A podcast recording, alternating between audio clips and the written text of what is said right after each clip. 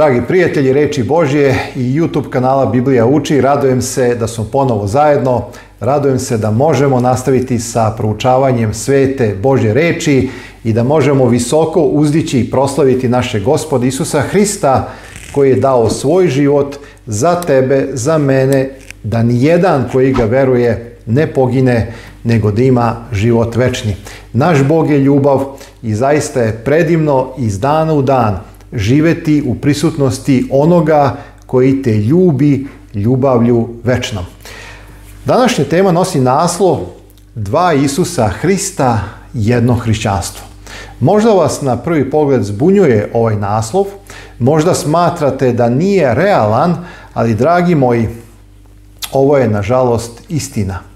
Postoje hrišćani koji veruju da je Isus svojom žrtvom na krstu Golgote ukinuo moralni zakon.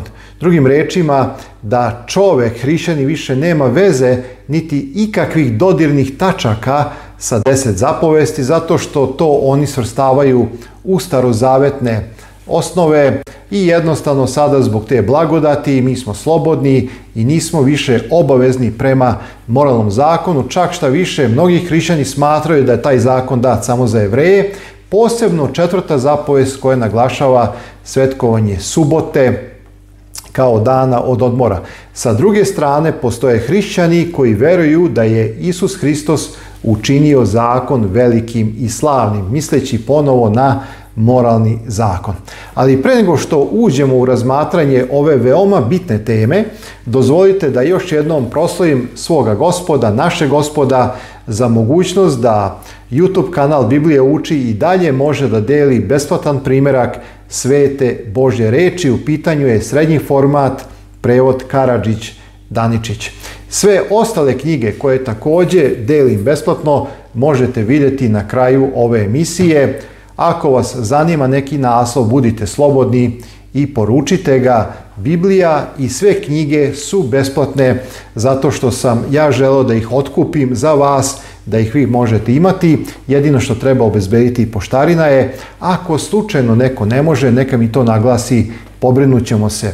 Poštarina ne sme biti prepreka da imate reč Božju i da imate one predivne knjige u vašem posjedu da bi čitali. Znači, samo jedna digresija, dragi moj. Nemojte je uzimati da biste je stavili u policu kao neki ukras, kao neku relikviju.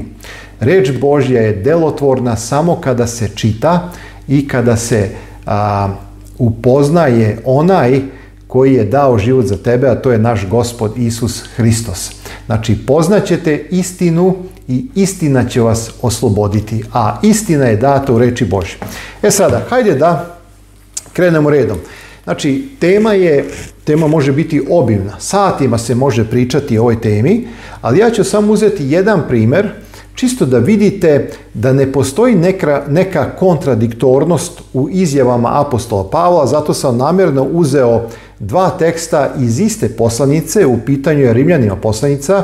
Svakako, dragi moji, ja znam da postoji još mnogo drugih tekstova, ali ja ću vam u ovoj emisiji govoriti onako objektivno. Znači, nećemo ići sada u sve te tekstove da ih tumačimo. Ispod videoklipa ja ću staviti linkove gdje sam pisao određene članke kad je u pitanju odnos blagodati zakona, zakon Boži, deset zapovesti i tako dalje. Tako da možete tu imati dovoljno informacija jer jasno je, samo da podvučem na kraju da ne bi bilo zabune jer znam da će u komentarima biti tako nekih komentara. Znači, jasno je da verujem i to Biblija izrazito uči da se mi spašavamo isključivo blagodaću Božjom, nezasluženom milošću. Znači, mi se spašavamo verom u Isusa Hrista i vera Isusa Hrista nas spašava čovjek ne može da uradi ništa da bi zaslužio, da bi zaradio spasenje. Znači to na samom početku naglašavam da ne bi bilo zabuna da ja propagiram neki legalizam ili da učim da se mi spašavamo držanjem zakona, delima i tako dalje. Nikako. Mi se isključivo spašavamo blagodaću Isusa Hrista otkupom, besplatnim otkupom Isusa Hrista kao što kaže apostol Pavle u Rimljanima trećem poglavlju. Ali hajde sada da samo pročitamo dva teksta koja izgledaju da su suprotna, u stvari nisu i objasnit ću zašto nisu. Prvi tekst, ako imate sve tu Božju reč, uzmite u vaše ruke, je Rimljanima poslanica, treće poglavlje, 31. stih. Tekst kaže, kvarimo li dakle zakon verom, Bože sačuvaj, nego ga još više utvrđujemo, kaže apostol Pavle. Ovdje se koristi jedna grčka reč, megenoito, Znači, Bože, sačuvaj, nikako.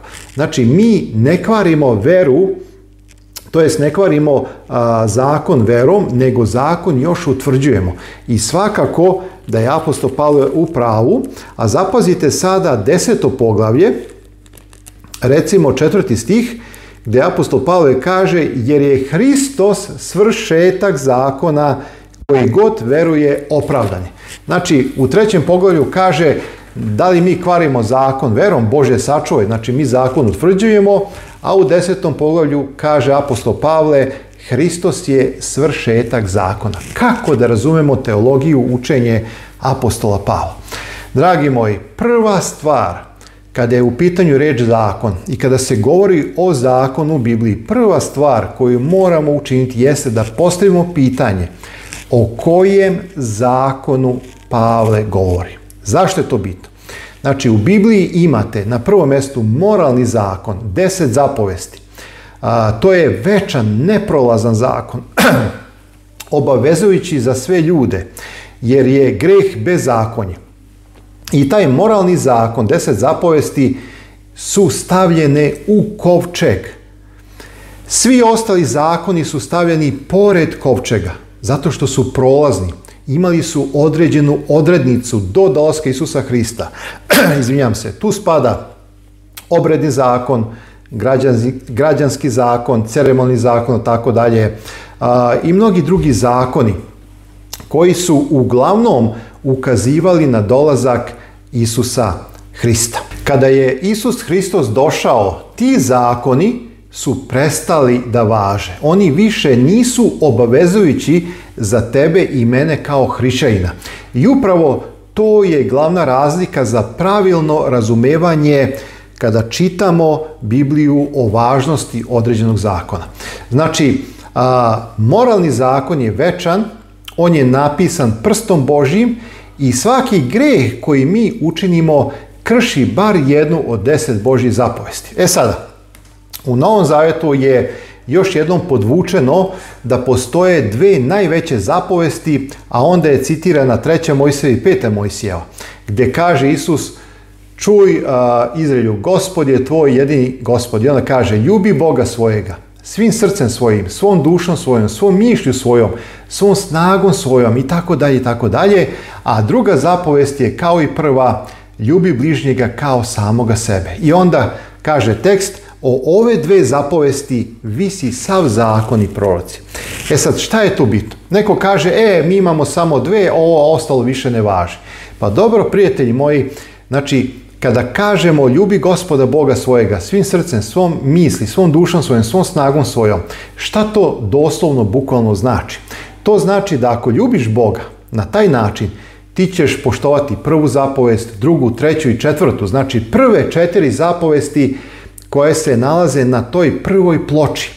A ako ljubiš bližnjega svojega kao samoga sebe, ti ćeš ispuniti druge šest zapovesti, drugi šest zapovesti, kao što su poštuj oca i majku, nemoj ukrasti, nemoj ubiti, ne čini preljube, ne poželi i tako dalje. Jer logično je, evo recimo primjer, ako nekoga ubiješ, ako si prema nekome zavidan, ako si poželeo i tako dalje, ako si nekome nešto ukrao, pa normalno je da ti ne možeš ispuniti drugu najveću zapovest koja kaže ljubi bližnjega kao samoga sebe. Vidite. Ili recimo, hajde da idemo još jednom logikom. Danas postoje oni hrišćani koje sam spomenuo na početku koji smatraju da Isus ukinuo deset zapovesti, da one više nisu bitne, da je to jevreski zakon, da je to stari zavet i tako dalje. Pa dragi moji, da li je greh, evo, mi smo svi hrišćani, verujem koji ovo pratimo, da li je greh ako neko ubije? Pa normalno da je greh. A gdje to piše? Pa piše u zapovesti koje kaže ne ubi, jer ako je prekršiš, učinio si greh. Da li je greh ako hrišćani namjerno svesno laže? Pa jasno je ko ovaj dan, ovaj lep današnji dan, da je to, dragi moji, greh. Pa da li onda zapovest treba ili ne treba? Jer ako zapovest više ne postoji, ako ne važi, ko će meni danas reći da je laganje greh? Ili recimo ako odemo na prvu ploču gdje su tamo četiri zapovesti koje regulišu odnos između Boga i čoveka. Znači to je ta relacija, a drugi šest zapovesti reguliše odnos između čoveka i čoveka. Znači, ako ja volim svoga Boga svim srcem svojim, svom dušom svojim, svom misli svojom, da li ću ja onda uzimati Božje ime uzalud? Da li ću onda graditi neke druge livene, kipove, bogove i njima se klanjati? Pa dragi moji, normalno da neću. Vidite, evo, znači, moralni zakon je neprolazan. Njega Isus Hristos nije ukinuo na krstu. E, njega je Isus uzvisio, načinio velikim i slavnim. I upravo Isus Hristos je umro zato što moralni Boži zakon ne može da se menja on je zahtevao krv pravednika, da bi ti i ja koji smo grešni imali život večan. Evo samo da se zadržimo na sljednom poglavlju, znači vidjeli smo da ona izjava iz trećeg poglavlja kvarimo li dakle zakon verom, Bože sačuvaj, nego ga još otvrđujemo i ova izjava iz desetog poglavlja četvrtog stiha da je Isus vršetak zakona nisu u suprotnosti, nego je samo bitno shvatiti kojeg je to zakona Isus svršetak. Pa dragi moji, jasno je da je Isus svršetak obrednog zakona, ceremonijalnog zakona ti i ja više ne moramo da se obrezujemo. Mislim, nismo se ni obrezali, ali ne moramo, jer to više nije bitno, zato što sada Duh Sveti radi obrezanje srca, jel tako? I mi smo po obećanju naslednici. Znači, mi ne moramo da ispunjavamo taj crveni zakon da bi se obrezali, da bi bili naslednici Avramovi i tako dalje, da bi ušli u save sa Bogom, kao što su to nekada radili jevreji.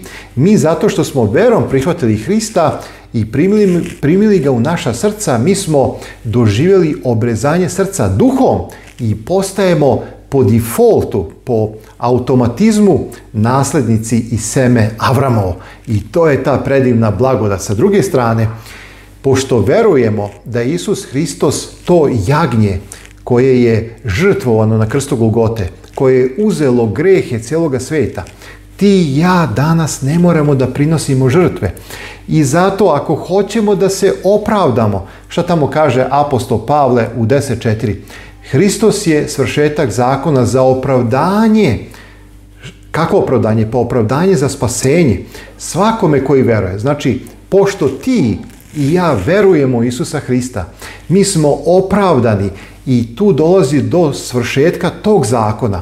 Ali, dragi moji, ako nastaviš da svesno činiš greh, kršeći moralni zakon, ti gubiš to opravdanje i ostaješ u grehu.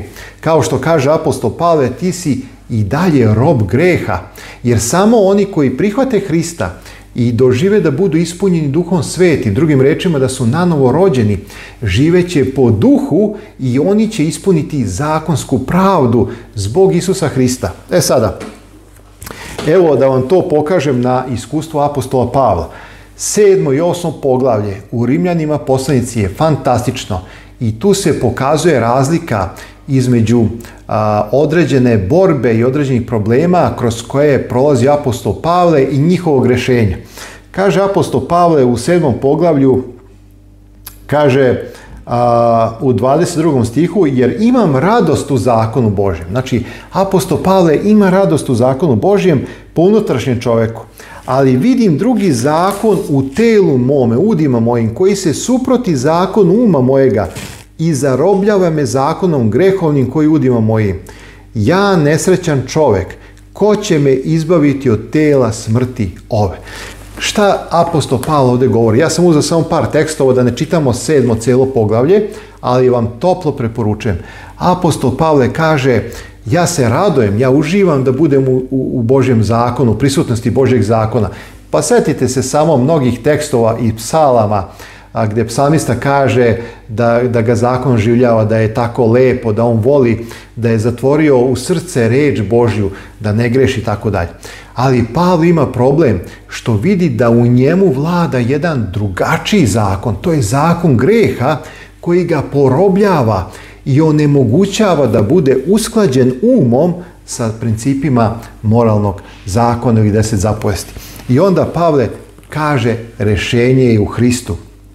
25. stih kaže Zahvaljujem Bogu svojemu kroz Isusa Hrista, gospoda našega, tako dakle ja sad umom služim zakonu Božjem, a telom zakonu greha. I onda osmo poglavlje. Nikakva nema osuđenja onima koji su u Isusu Hristu i ne hode po telu nego po duhu.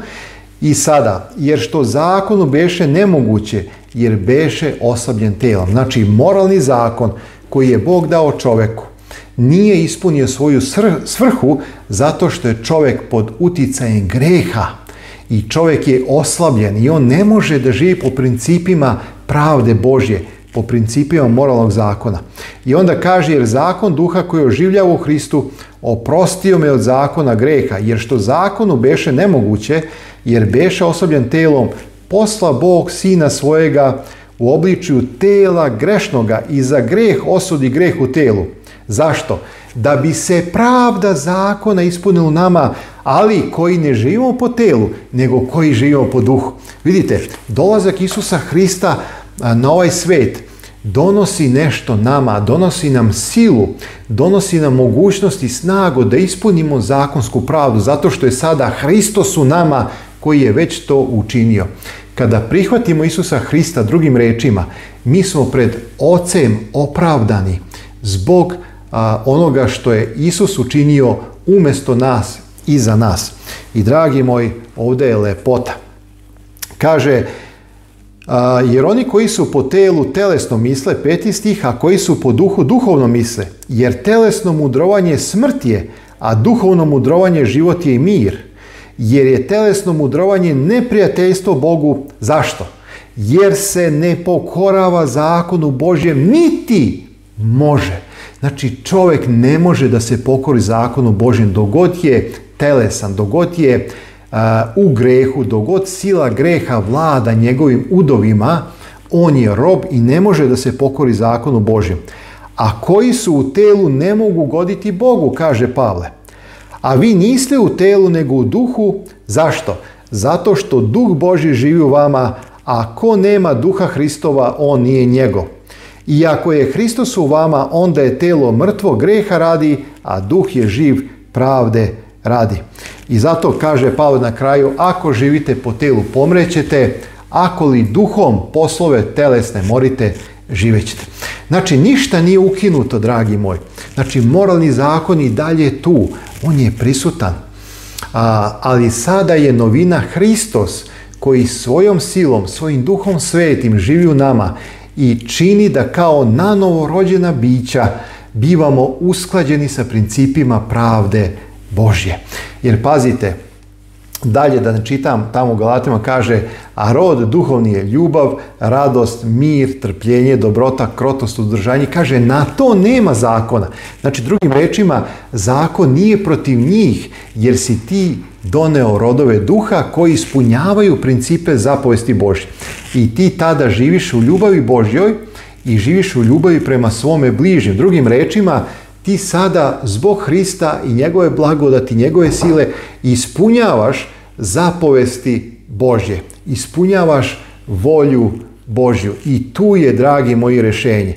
Zato se vraćam na ključnu misao, ključni stav, a to je činjenica je da u hrišćanskom svetu postoje dva Isusa Hrista.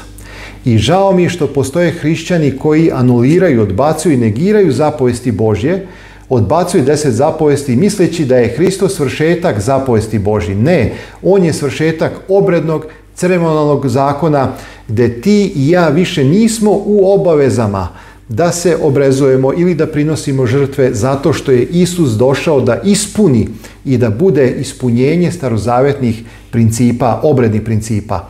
Ali moralni zakon koji je stavljen u kovčeg je večan i da bismo bili usklađeni sa principima koji su visoki moralnog zakona, Isus Hristos je rešenje. On je učinio taj zakon velikim i slavnim.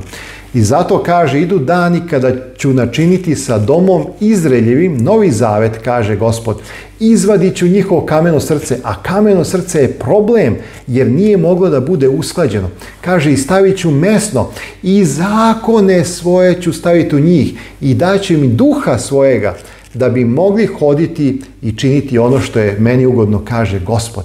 Dragi moji, jedino što se menja u ovoj proceduri jeste što sada Hristovom silom, tim mesnim srcem, mi smo usklađeni sa voljom Božjom. Da li će se desiti nekada da zgrešimo? Da, ali ne treba da očajavamo zato što se možemo pokajati. I svaki čovjek koji se iskreno pokaje dobit će oproštenje. Zato apostol Jovan kaže, dečice, ovo vam pišem da ne grešite.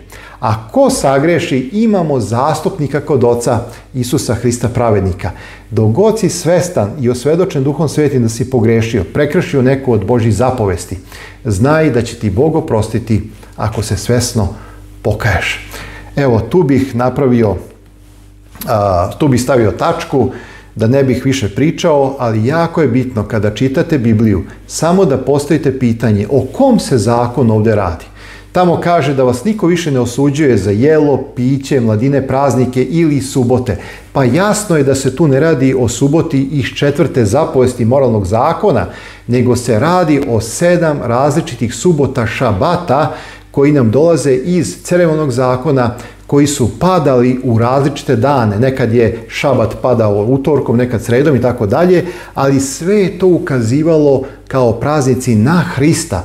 I zato kaže apostol Pavle da vas više niko ne osuđuje, jer je to samo senka od onoga koji šćaše da dođe, a telo je Hristovo.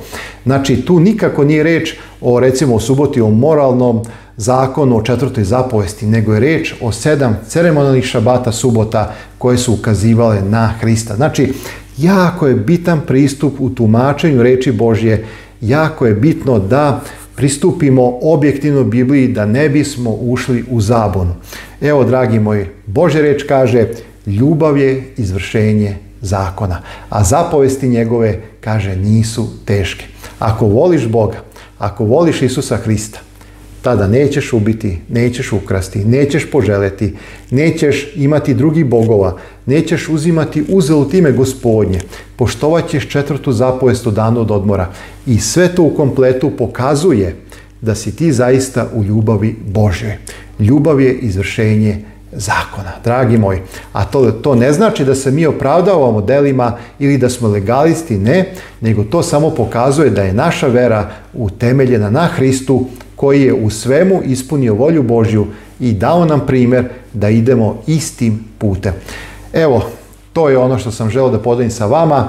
Neka vas dragi Bog blagoslovi i neka se učini, neka Gospod učini da se svrstate među one hrišćane koji veruju u Isusa Hrista, koji je učinio zakon, misli se na moralni zakon, velikim i slavnim i koji je ispunio svaku volju svoga Oca Nebeskog.